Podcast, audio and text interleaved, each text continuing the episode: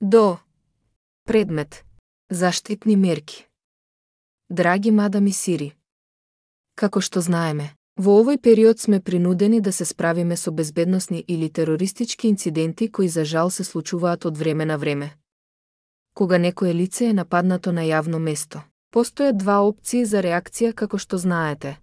Една опција е да се борите назад и да се борите со истиот сторител, а другата опција е да се обидете и да избегате од местото додека не помине бесот.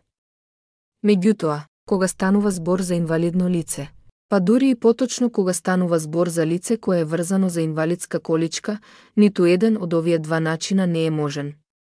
Моето прашање за вас е: Дали постои размислување за развој на достапно оружје или оружје што може да му помогне на инвалидно лице, ако и кога ќе влезе во таква ситуација?